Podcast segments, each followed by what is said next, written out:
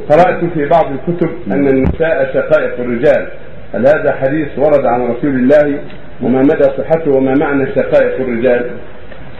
نعم يعني أنهم من جنس الرجال.